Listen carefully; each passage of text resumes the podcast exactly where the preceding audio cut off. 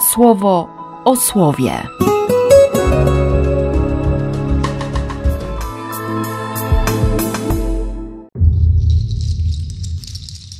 Dwudziesty dziewiąty grudnia, środa.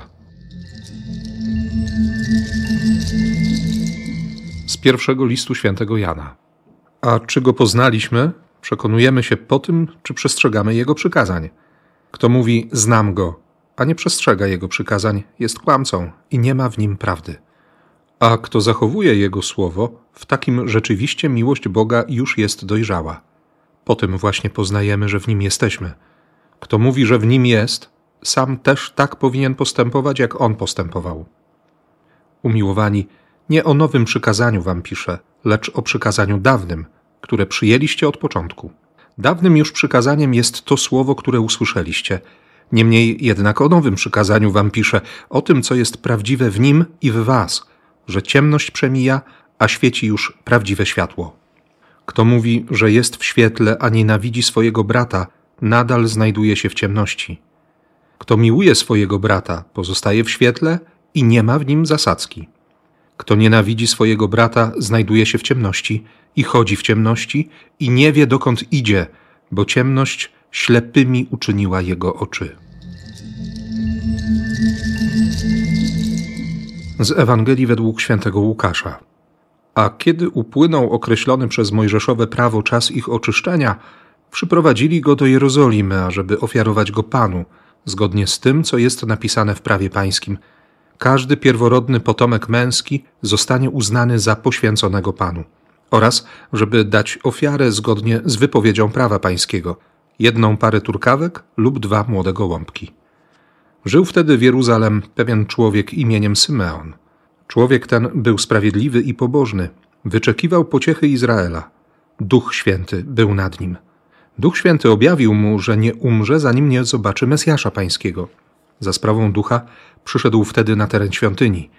Kiedy rodzice wnieśli dzieciątko Jezus, aby uczynić z nim zgodnie ze zwyczajem nakazanym przez prawo, on wziął je w swoje objęcia i zaczął błogosławić Boga, mówiąc: Teraz, o Panie, pozwalasz już odejść swojemu słudze w pokoju według Twojego słowa, bo moje oczy zobaczyły Twoje zbawienie, które postawiłeś gotowe przed oczami wszystkich ludów, światło dla oświecenia narodów, chwałę Twojego ludu Izraela. Jego ojciec i matka dziwili się tym słowom o nim, a Symeon zaczął ich błogosławić. Do Maryi, jego matki, powiedział: Oto ten stanął na upadek i na powstanie wielu w Izraelu, a także jako znak wywołujący sprzeciw, aby na jaw wyszły ukryte myśli wielu serc, a Twoją duszę przeszyje miecz. Bardzo mocno dzisiaj pracuje we mnie Ewangelia, ale, ale wstępem pierwszym daniem jest jednak fragment drugiego rozdziału pierwszego listu Jana. Też konkret. O tym, że poznaliśmy Boga, przekonujemy się, gdy przestrzegamy Jego przykazań. Kłamstwo, hipokryzja, bolesne policzki, tak od samego rana. Ale jest nadzieja. Jest nadzieja, bo, bo słowo przychodzi i to słowo można zatrzymać, nie?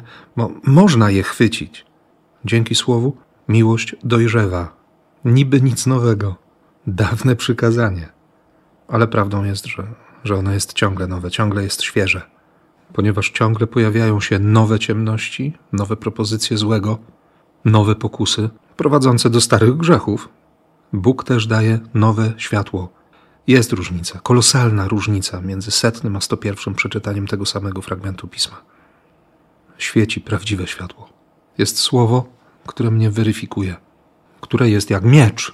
Muszę się opowiedzieć. Nie? Mam podjąć decyzję. Albo w jedną, albo w drugą stronę. Jeśli zostanę na środku, no to miecz rozetnie. Nie?